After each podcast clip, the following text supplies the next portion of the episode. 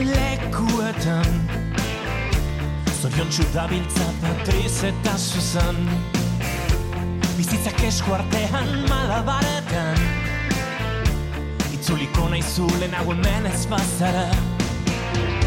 Lekuak leku ez diren lekuetan Inork ez du sustrairik botatzen lurrean. Aguroz pinduen eta ongietorrien Lekuko diran leku ez diren lekuak Takeroarekin ezin jolastuta Bazoa zurruti Egun amaigabetan Ez zara nirekin Ametxan zaindari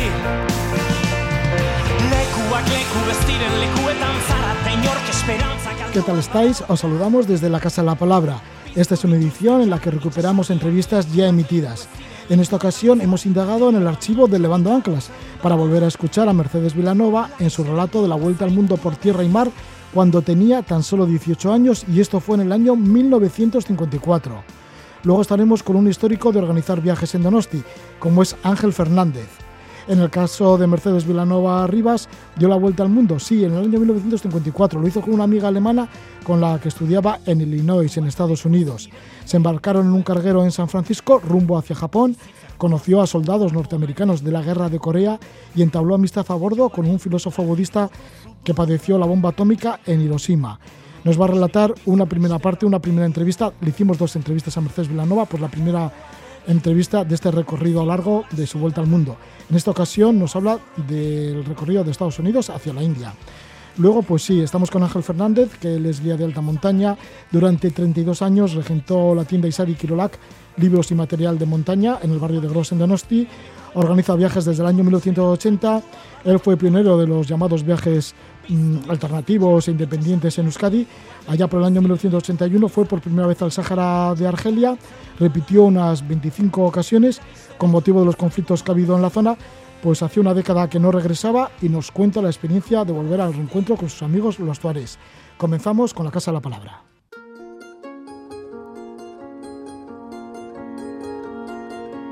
जब से हुआ है दिल हो गया फिर से बच्चा सा लगता है। इश्क रागों में जो बहता रहे जाके कानों में चुपके से कहता रहे। तारे गिन तारे गिन सोए बिन सारे गिन।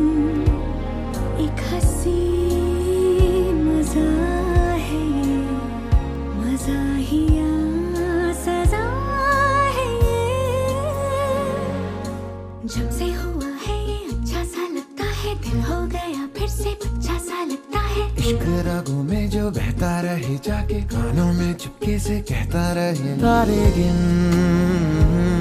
तारे गिन सोए बिन सारे गिन एक हँसी मज़ा है। मज़ा ही सजा।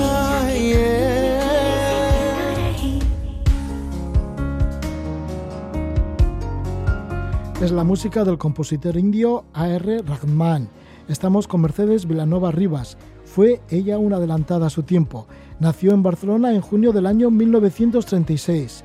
En 1954 se convirtió en la primera mujer rana, así se llamaba por aquel entonces, bueno, que tuvo el título de buceadora en España. Entre 1953 y 1954, con tan solo 18 años, emprendió una vuelta al mundo con su amiga alemana Mathilde von Lunig. Por aquel entonces estudiaba en Barrett College, Universidad Católica de Illinois, frente al lago Michigan, en Estados Unidos. Matilde y Mercedes deciden regresar a Europa por el Pacífico, combinando así una vuelta al mundo. Para empezar, recorrieron Estados Unidos en coche hasta llegar a San Francisco, donde en junio de 1954 se embarcaron en un buque de carga rumbo a Yokohama, al sur de Tokio. Siempre en barco navegaron hasta Hong Kong, luego Singapur, Malasia, Bangladesh.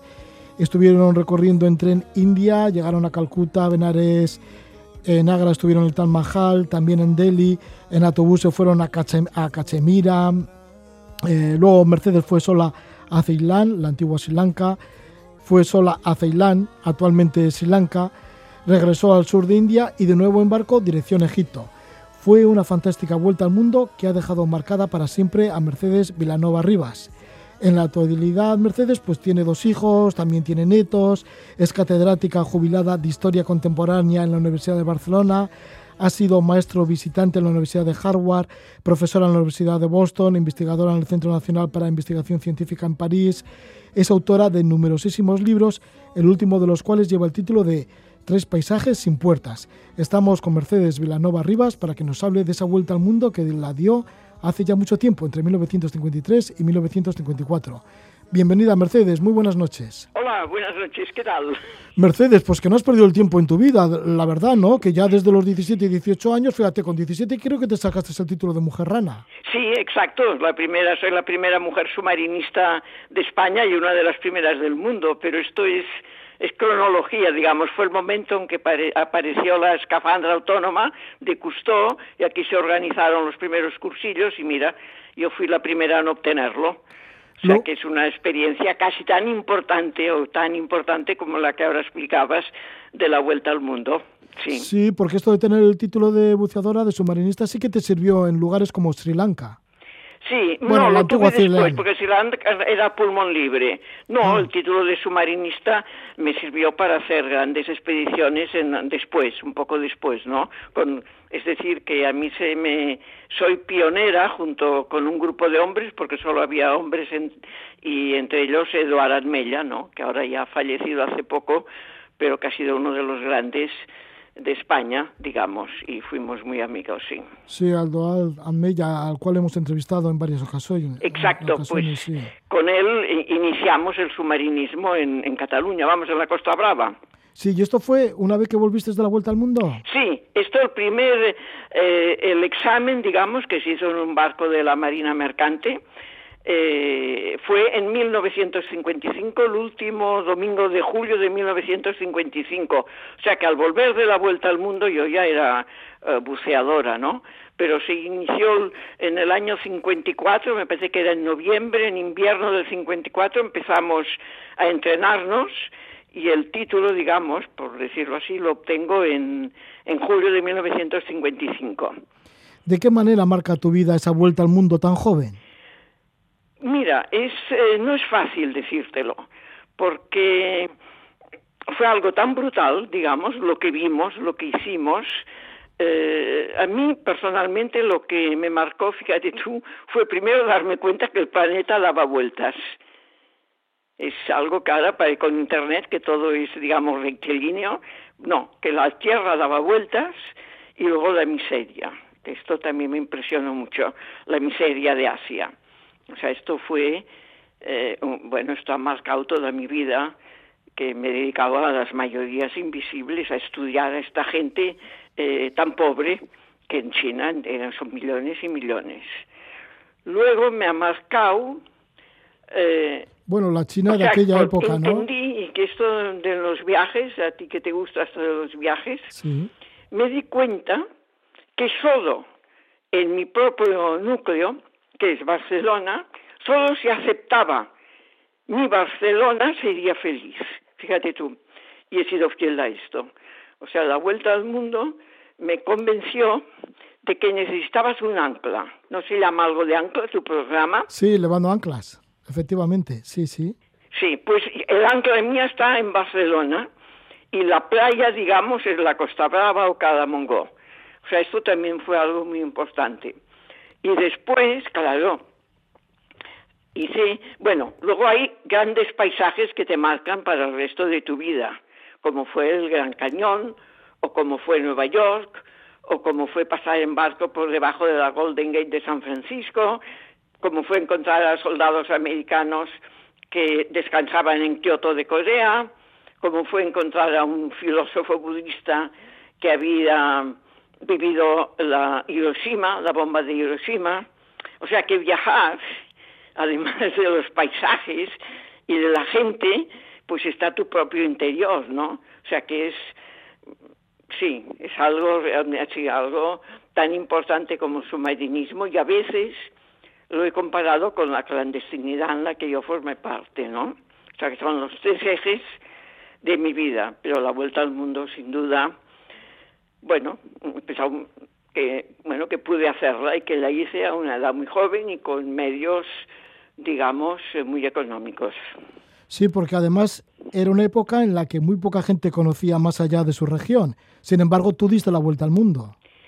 Sí, porque yo, es decir, había, me había, había hecho el examen de Estado y acabado, eh, digamos, la enseñanza secundaria, y entonces era el momento de las películas de Hollywood. Y yo quise ir a Estados Unidos para ver si América era como la pintaban las películas. Y escribí y me dieron una beca. Y entonces fui con una beca y claro, mis padres me apoyaron. Sin mis padres no lo hubiera hecho. ¿Cómo fue o sea para que sí, fui muy afortunada. Sí, sí. ¿Y cómo fue para ti ver Nueva York? Que dices que te ha impactado y ese impacto continúa Bueno, hasta hoy en día. es que es brutal. Nueva York en el año 53, cuando yo llegué, pasé un par de semanas, es que pisas de otra manera. Aquello era, bueno, comparado con lo que era Barcelona, era, sí, brutal. Es Nueva, y yo creo que sigue siéndolo, ¿eh? porque he vuelto muchas veces. Pero Nueva York causa una impresión muy fuerte, muy fuerte, sí. ¿Cómo fue la idea esa de que tú y Matilde decidisteis volver a Europa, pero por el Pacífico, y así teníais que dar la vuelta al mundo? Perdona la pregunta que no te he oído. ¿Cómo, cómo llegó la idea, no? Cuando ah, porque yo en- tenía, fíjate tú, en uno de estos allí. mapas mundi de la Pan American, lo tenía colgado en la habitación del college. Entonces Matilde era mayor que yo, tenía seis años más. Y cuando vio el mapa, pues me dijo, oye, volvemos a Alemania y España dando la vuelta. Y yo creo que, claro, su padre le dijo a Matilde que sí, pero que necesitaba ir con alguien. O sea que realmente le debo la vuelta al mundo a Matilde. Y ella, claro, me debe a mí que yo la acompañada. Para esa vuelta al mundo fuisteis a tomar un buque, un buque de carga en San Francisco. ¿Cómo Sí. hicisteis para ir desde donde os encontrabais en Illinois hasta San Francisco? A esto también es algo que me ha marcado mucho, porque fuimos en coche con una pareja de alemanes y nos iban, íbamos eh, circulando y familias americanas nos acogían. O sea que yo lo que aprendí de Estados Unidos es que era una, mm, era una sociedad que acogía mucho y nos acogieron y bueno, fuimos realmente una ruta maravillosa, ¿no?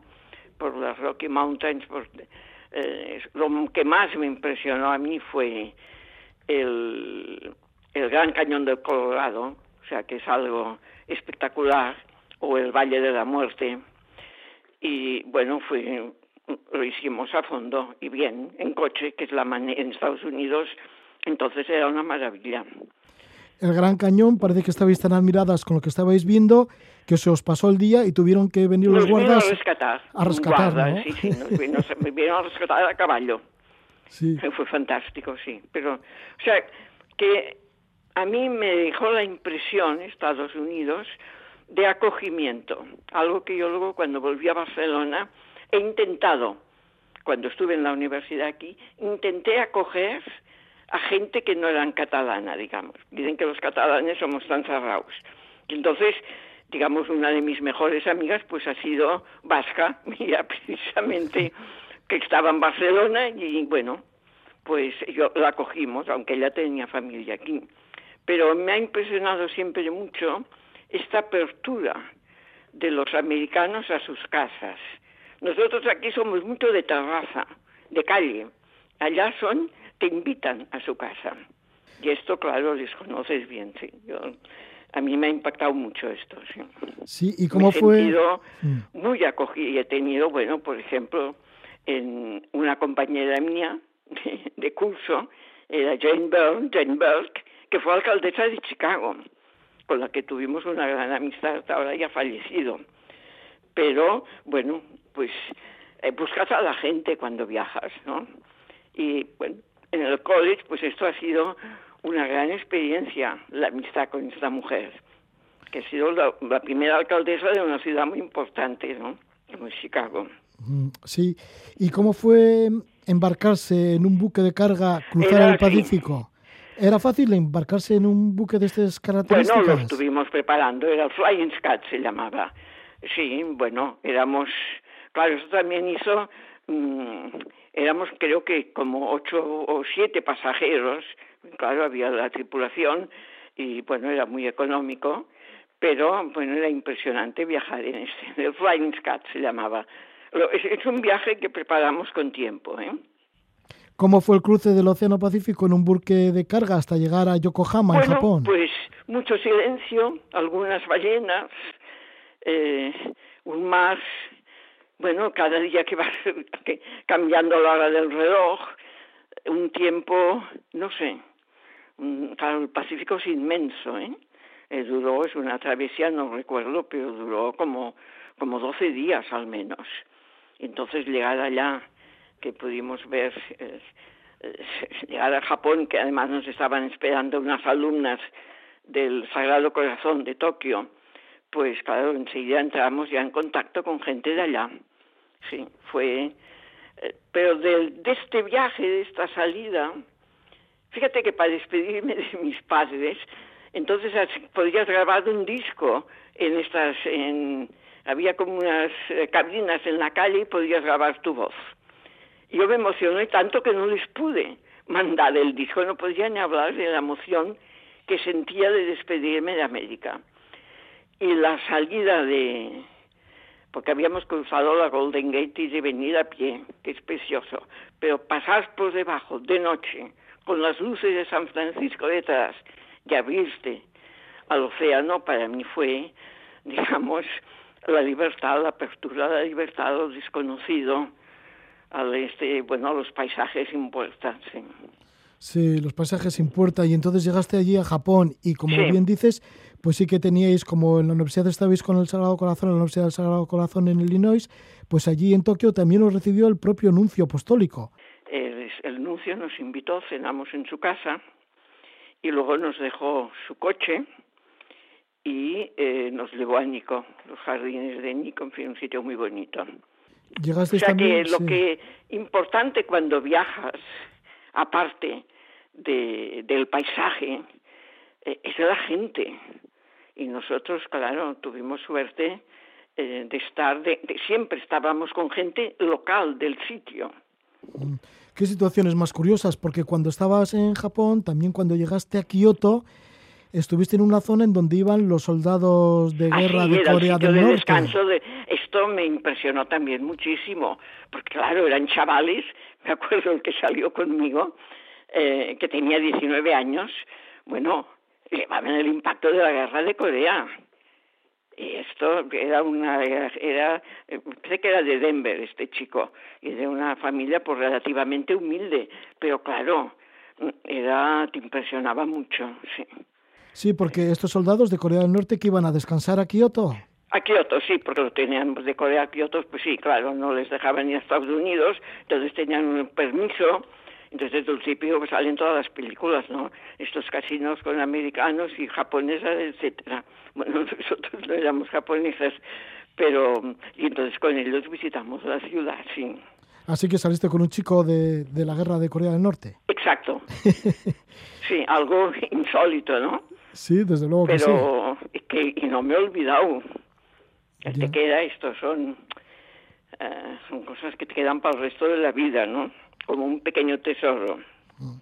Luego teníais idea de llegar a Calcuta, la India, pero antes teníais que pasar por Hong Kong. ¿Cómo fue el viaje de Japón a Hong Kong? Bueno, entonces el, no había encargos, ¿eh? no había cargueros. Era un viaje, era un Sancia se llamaba el barco, y era un barco en que, eh, bueno, que estaba claramente dividido entre la clase, eh, digamos, que podía pagarse un camarote y mm, los inmigrantes, gente que iba a la India.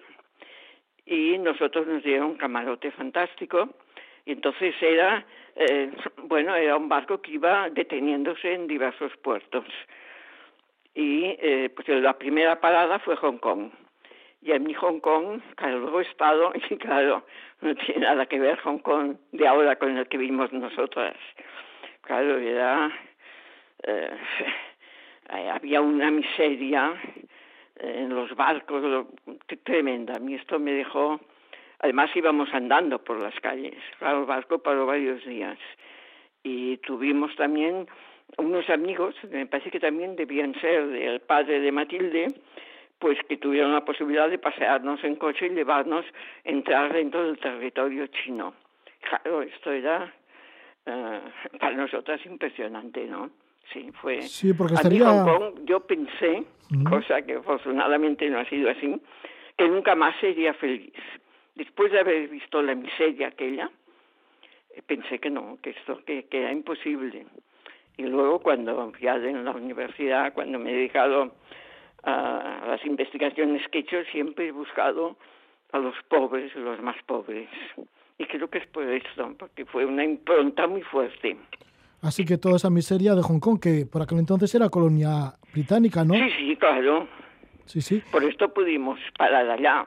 Ya, ¿y cómo pudiste entrar en la República Popular China si estaba prohibido? Bueno, debían tener, hombre, ya lo sabes tú, siempre hay pases, igual que aquí en los Pirineos, pues estos chicos eh, debían tener la manera de, de internarse o algún permiso, no sé exactamente, pero nos llevaron, sí. Sí, y en China también encontrasteis esa miseria, lo que pudisteis ver. No, no es que China ha estado después, no, entonces era solo paisaje, digamos, o sea que se fue cerca de Hong Kong. Pero, claro, aquella edad te parecía que estabas, bueno, era el momento brutal, ¿no? Eh, Políticamente. Y nos habíamos preparado estudiando en, en el college. El viaje este lo llevábamos preparado, claro. Sí, ya conoceríais la historia y lo que podíais encontraros. Bastante, hombre, no te diré que mucho, pero sí, sabíamos. Sí, en este barco que has dicho que iba de Japón hacia... Francia iba, creo que salía de Yokohama y llegaba hasta Calcuta. hasta Calcuta. Y en el, en el barco iba, lo has dicho antes, un filósofo japonés Sí, que estuvo iba- en iban Hiroshima. como 500 personas que eran inmigrantes pobres que iban, eh, algunos iban a Bangladesh, pero muchos iban a la India. Y entre estos, yo a mí el mar, bueno, claro, me fascina. Yo por las noches siempre estaba en cubierta. Y estos que estaban en la parte, eh, digamos, casi sin ventilación del barco, salían. Y este chico, Atsuki Uno, pues nos encontrábamos en la, en la cubierta. Y enseguida, enseguida nos hicimos amigos. O sea, a mí es quizás la relación más impresionante porque me di cuenta, fíjate que este chico estaba marcado porque había, había era de Hiroshima y había vivido eh, lo de la bomba atómica y estaba marcado su cara, pero no te dabas cuenta. Es decir, el alma superior a lo físico. La relación fue, eh, bueno, me di cuenta que la raza no importa, lo que importa es el alma. Y esto ha sido una, una lección brutal en mi vida, ya definitiva. Te contó cómo sufrieron en Hiroshima, como él mismo, No, cómo esto- sufrieron con la bomba atómica. Fíjate tú que, por ejemplo, Matilde, que había vivido la Segunda Guerra Mundial, que habían muerto su madre, una hija, una hermana y un hermano, que su padre había estado encarcelado, que además había quedado con una pierna fija, y yo que era de la guerra civil, nunca hablamos. Para enterarme de todo esto de, Matilde, que lo sabía, pues luego, como yo he estudiado mucho alemán, Austria, sobre todo Mauthausen, pues nos hemos, pues claro, hemos hablado mucho, pero entonces, oye, no hablábamos de esto. La vida era el presente. Y el éramos muy jóvenes, no, claro. eh, es, eh, no sé si lo entiendes. sí, sí, lo Pero a entiendo, los ¿eh? Sí, con 17 18 años, o años. 18, pues estás por lo del momento, por la, la fascinación de la relación. Y pues lo de la bomba de Hiroshima, pues no. Bueno, me lo explicó y vi que, bueno, sí, es que además se les notaba en la cara, ¿no? Pero eh, pasabas por alto. Y luego le fuimos a ver a Benares y nos estuvimos paseando con él. Pero no hablábamos de, de, de la guerra mundial. Con el tiempo, Mercedes, parece ser que volviste a Hiroshima y fuiste en busca de tu amigo. Y, pero y entonces, fíjate tú, que, que estúpida, ¿eh? como soy, que solamente cuando leí en Le Monde un artículo, el Le Monde francés, ¿eh? en que decía que los japoneses de Hiroshima habían muerto todos muy jóvenes, me di cuenta que Claro, este chico murió joven. Cuando yo, cuando yo volví a Japón, porque me invitaron a dar una conferencia, pues ya habían pasado pues 30 años tú. Pues este chico no estaba, claro. Sí, Pero que- yo no, no era, no, o sea, es curioso, ¿eh? Que no, no, no fui consciente del drama. Ya. Este amigo filósofo tuyo que encontraste en el barco, filósofo budista japonés, Estaba Achuki Uno. estudiando, hacía la tesis doctoral sobre sobre Buda, sí. Iba, iba a estar junto a, bueno, las universidades de Rabindranath Tagore, y claro, era una persona, digamos, de una categoría y una finez filosófica y humana extraordinaria, sin duda.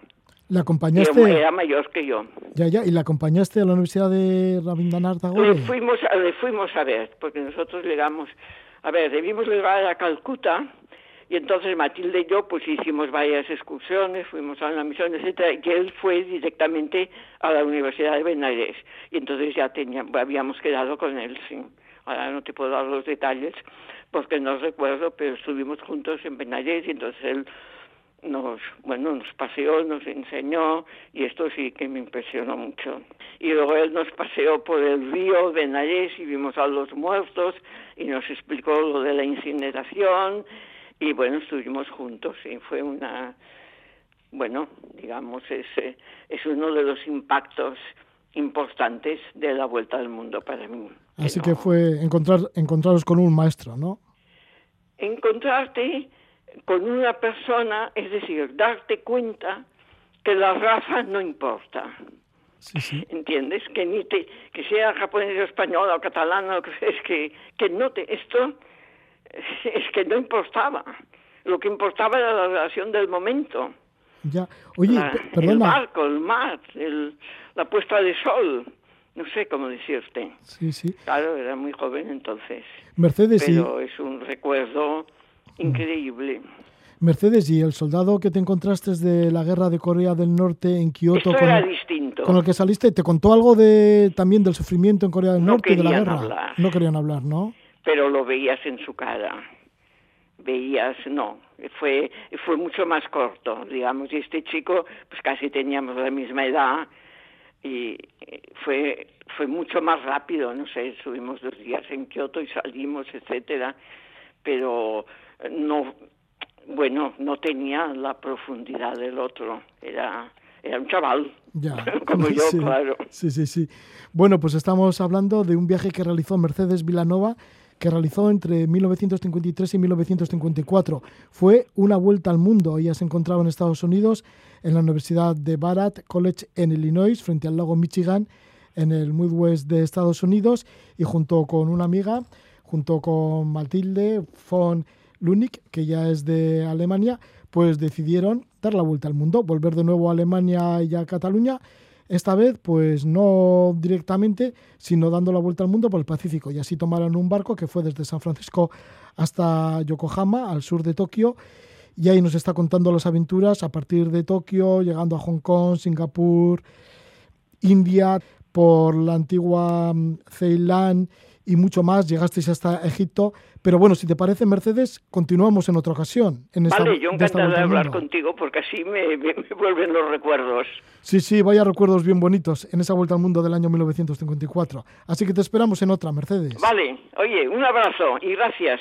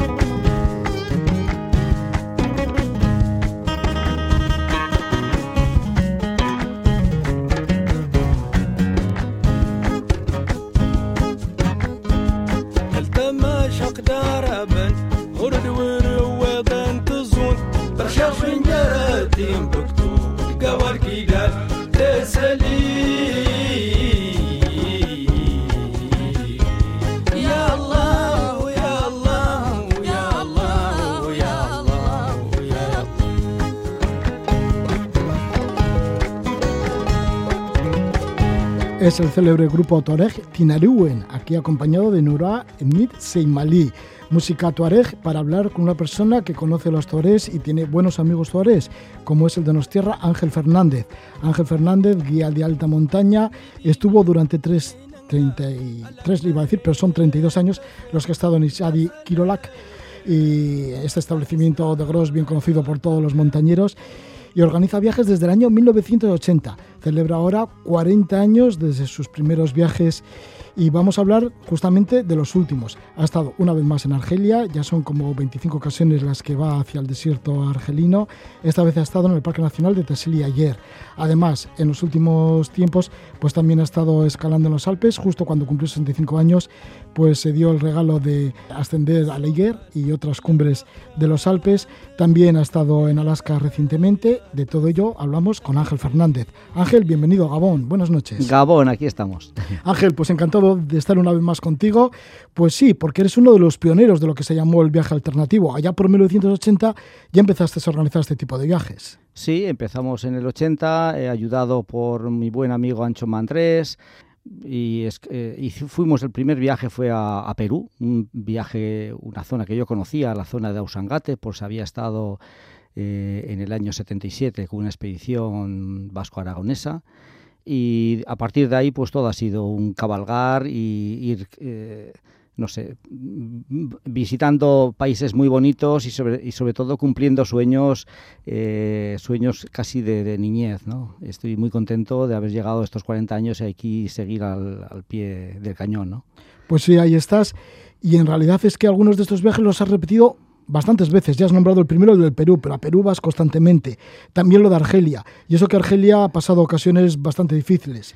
Y en los últimos años no era fácil acercarse por allí. Sí, bueno, eh, yo después de 10 años, la última vez estuve en el año eh, 2009 y después de 10 años he vuelto, pero la verdad que también me tocó la famosa guerra encubierta entre el año creo que 93 y 99, que también estuve sin ir, pero siempre he vuelto porque tengo buenos amigos, como bien has dicho, y esta música que has puesto, pues la verdad que a este ritmo de música he bailado muchas veces en las arenas del desierto y he compartido veladas con esta gente increíble, eh, dueños y señores del desierto, ¿no? Un desierto majestuoso y amplio, ¿no?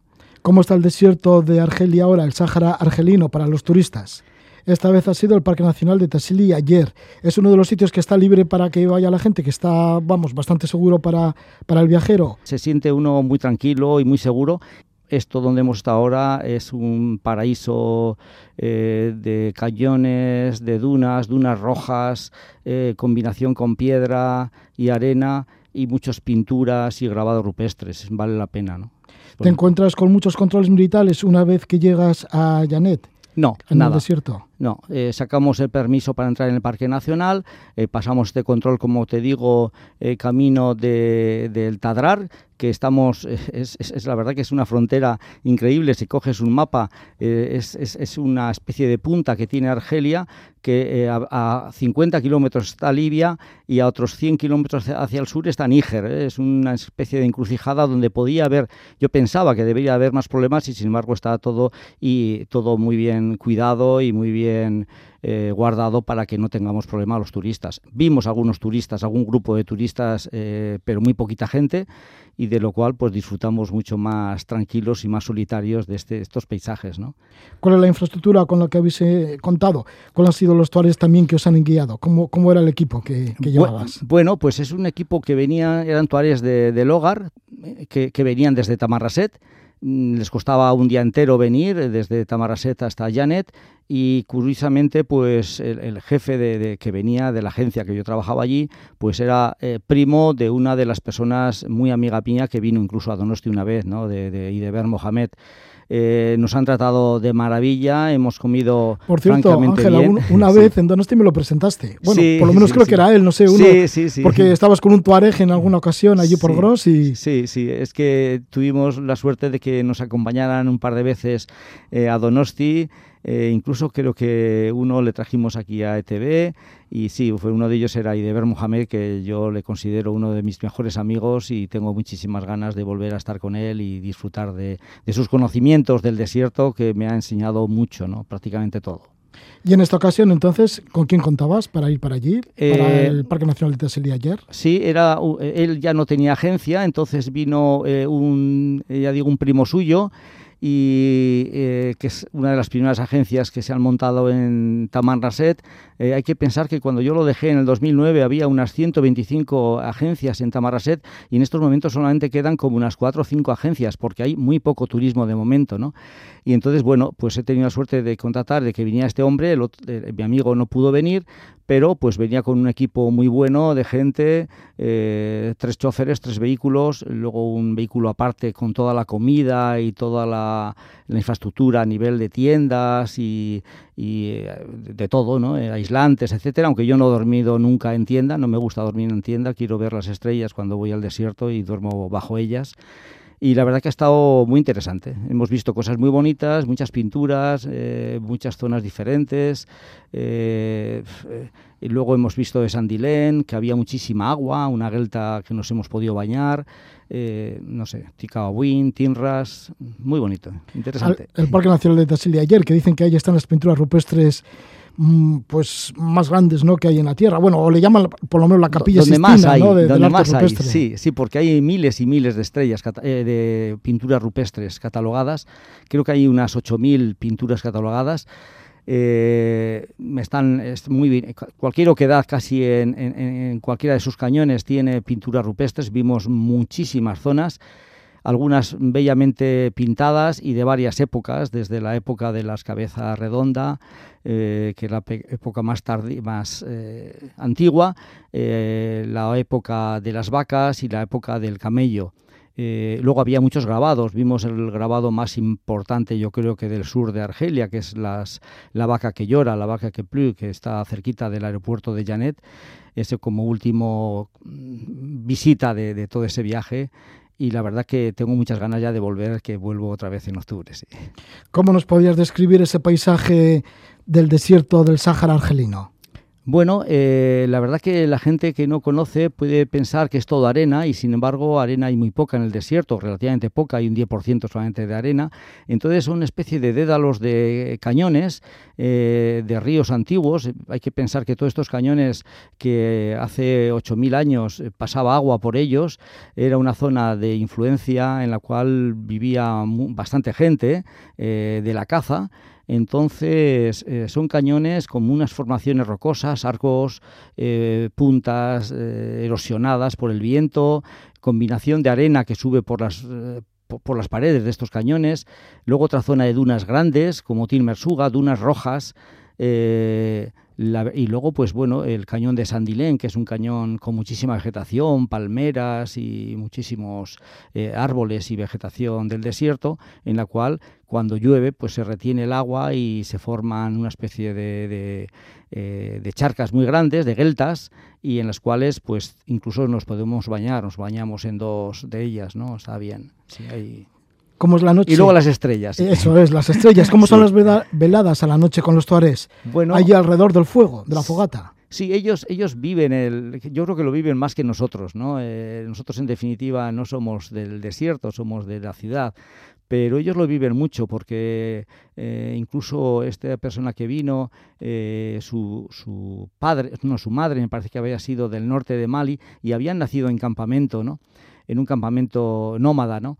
Entonces ellos lo viven, ellos eh, en cuanto llega la tarde encienden una pequeña, un pequeño fuego, eh, calientan su agua para hacer el té, eh, disfrutamos los que queríamos de, esa velada junto a ellos, te calientas también alrededor de la hoguera, nos hacen su pan tradicional, que es la taguela, que se hace en la misma arena del desierto después de calentarla con las brasas de la hoguera. Eh, y bueno, escuchas un poco sus historias y están, hablan mucho, eh, cuentan cosas del desierto y si miras solamente hacia arriba, pues ves las miles y miles de estrellas que parece que se te van a caer encima, ¿no? Alrededor de la hoguera también nos han contado la situación de los tuarés y cómo se vive en los últimos tiempos, porque sí que antes era mucho más fácil llegar hasta allí y estar con ellos, había más seguridad, pero sí que en los últimos tiempos la zona es como bastante conflictiva. Bueno, eh, curiosamente esta zona En estos momentos es la menos conflictiva porque no ha habido hace mucho tiempo ya ningún atentado, ni ningún secuestro, ninguna cosa rara en lo que, en lo que es Argelia concretamente. Pero eh, pues eh, los tuarés los dividieron por unas líneas eh, rectas eh, cuando el colonialismo y entonces hay muchos tuarés que se han quedado en el sur, en el norte de Níger eh, y otros han quedado eh, en el sur oeste, en la zona de Mali.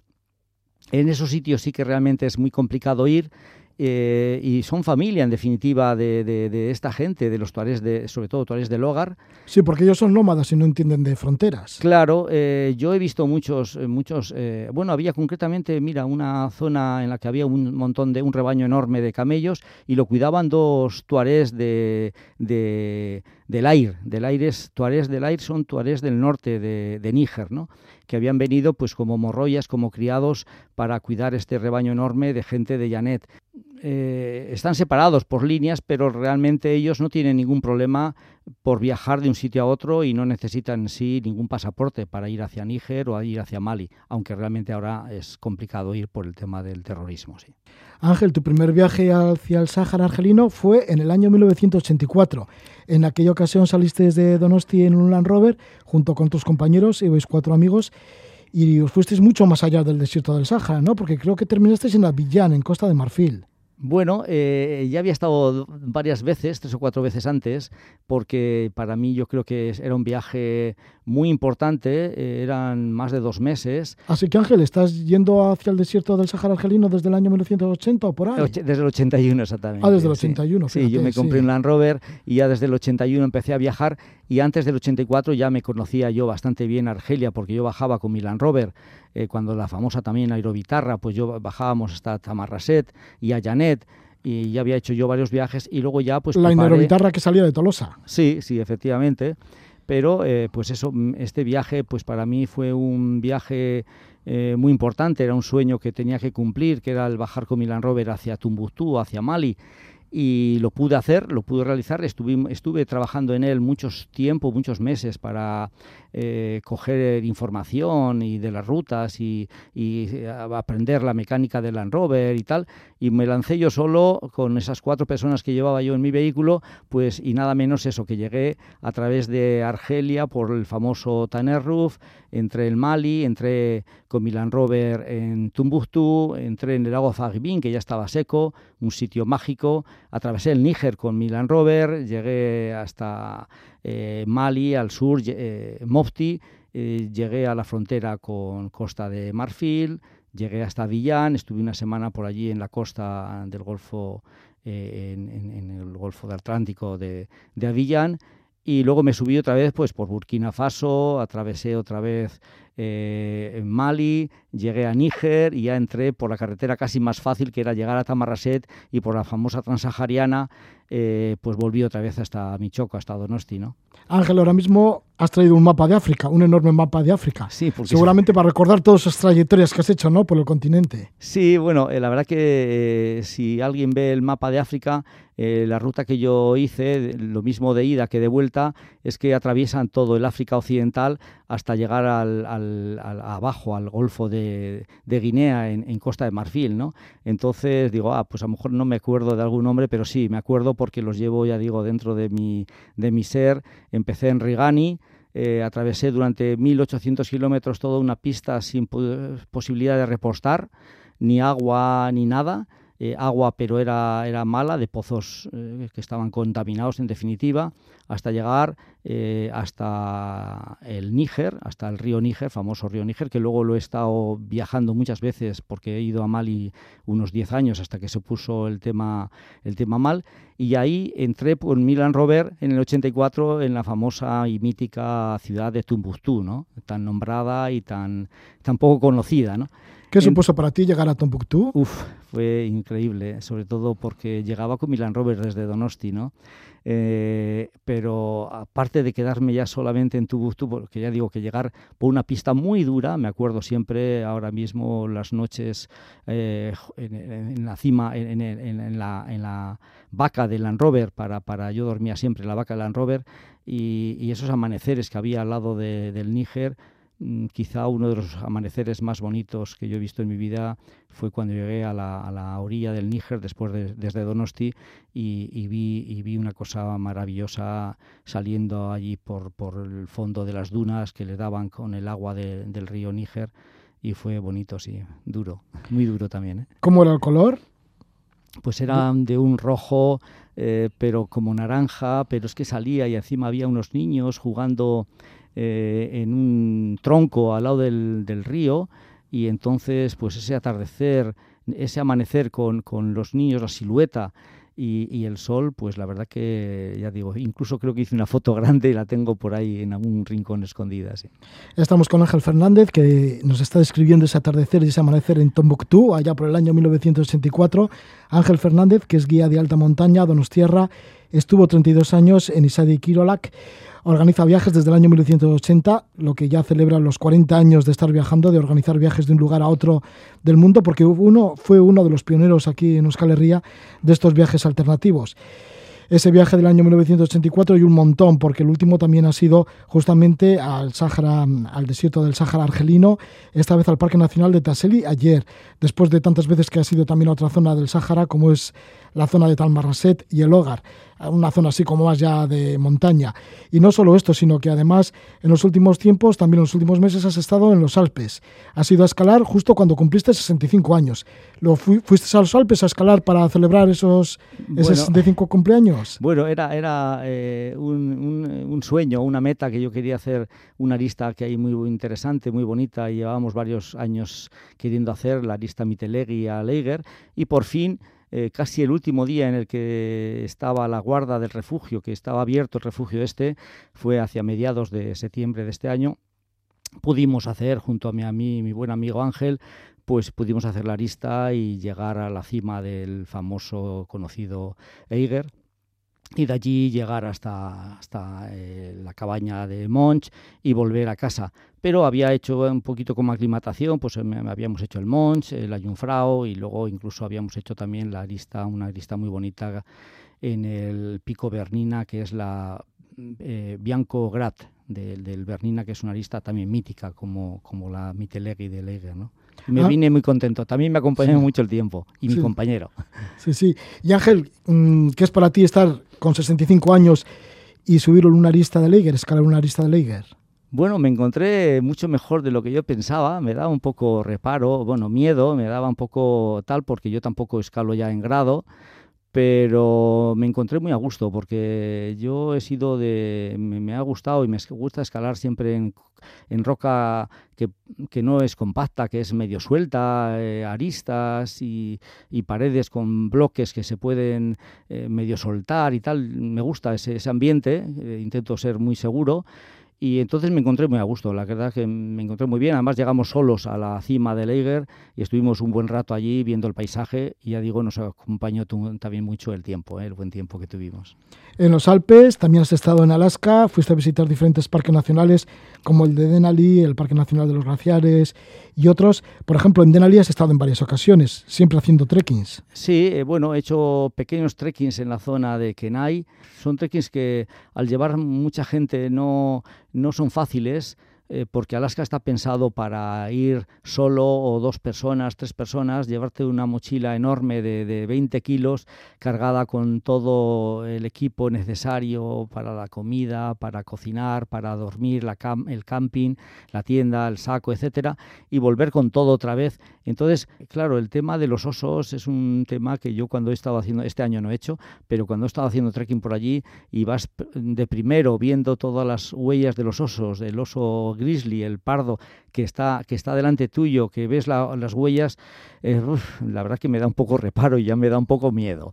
Eh, pero bueno, he disfrutado cuando lo he hecho y ahora con un amigo lo volvería a hacer, pero ya no, no, no llevando gente porque para mí es mucha responsabilidad, sobre todo por el tema de los osos, ¿no? Sí, ¿sueles ver osos? Sí, he visto muchos osos, sí. Sí, además uno muy cerca que me vio, bueno, le vi yo, él no me vio, le saqué fotos, eh, me dio mucho miedo y la verdad que dan respeto, ¿no? Porque son enormes animales.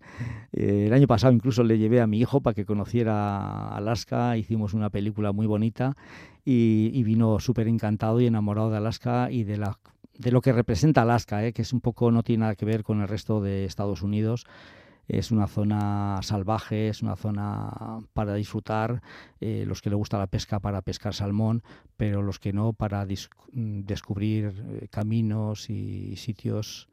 Hay que llevar, eh, no sé, mucha, mucha fuerza de, de- de seguridad en ti mismo. ¿no? Muchísimas gracias por estar con nosotros. Ángel Fernández, guía de alta montaña, organizador de viajes desde el año 1980. Nos ha hablado de los últimos, el que ha realizado al Parque Nacional de Tassili ayer en el desierto del Sáhara argelino. También nos has nombrado como escalaste últimamente al cumplir los 65 años en los Alpes, entre ellos una arista en el Eiger y también, bueno, pues la última experiencia en Alaska. Así que te agradecemos mucho tu visita y que estés compartiendo este rato con nosotros. Pues muy bien, Gabón, y hasta cuando quieras, Roger.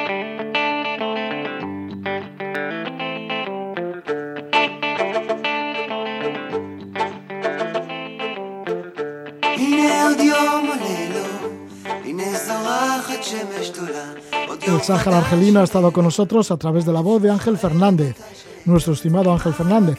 Le recordamos en una entrevista emitida el 1 de marzo de 2020. Nos vamos y lo hacemos con la música del argelino Rachita Ja. Que disfrutéis, que vaya todo muy bien.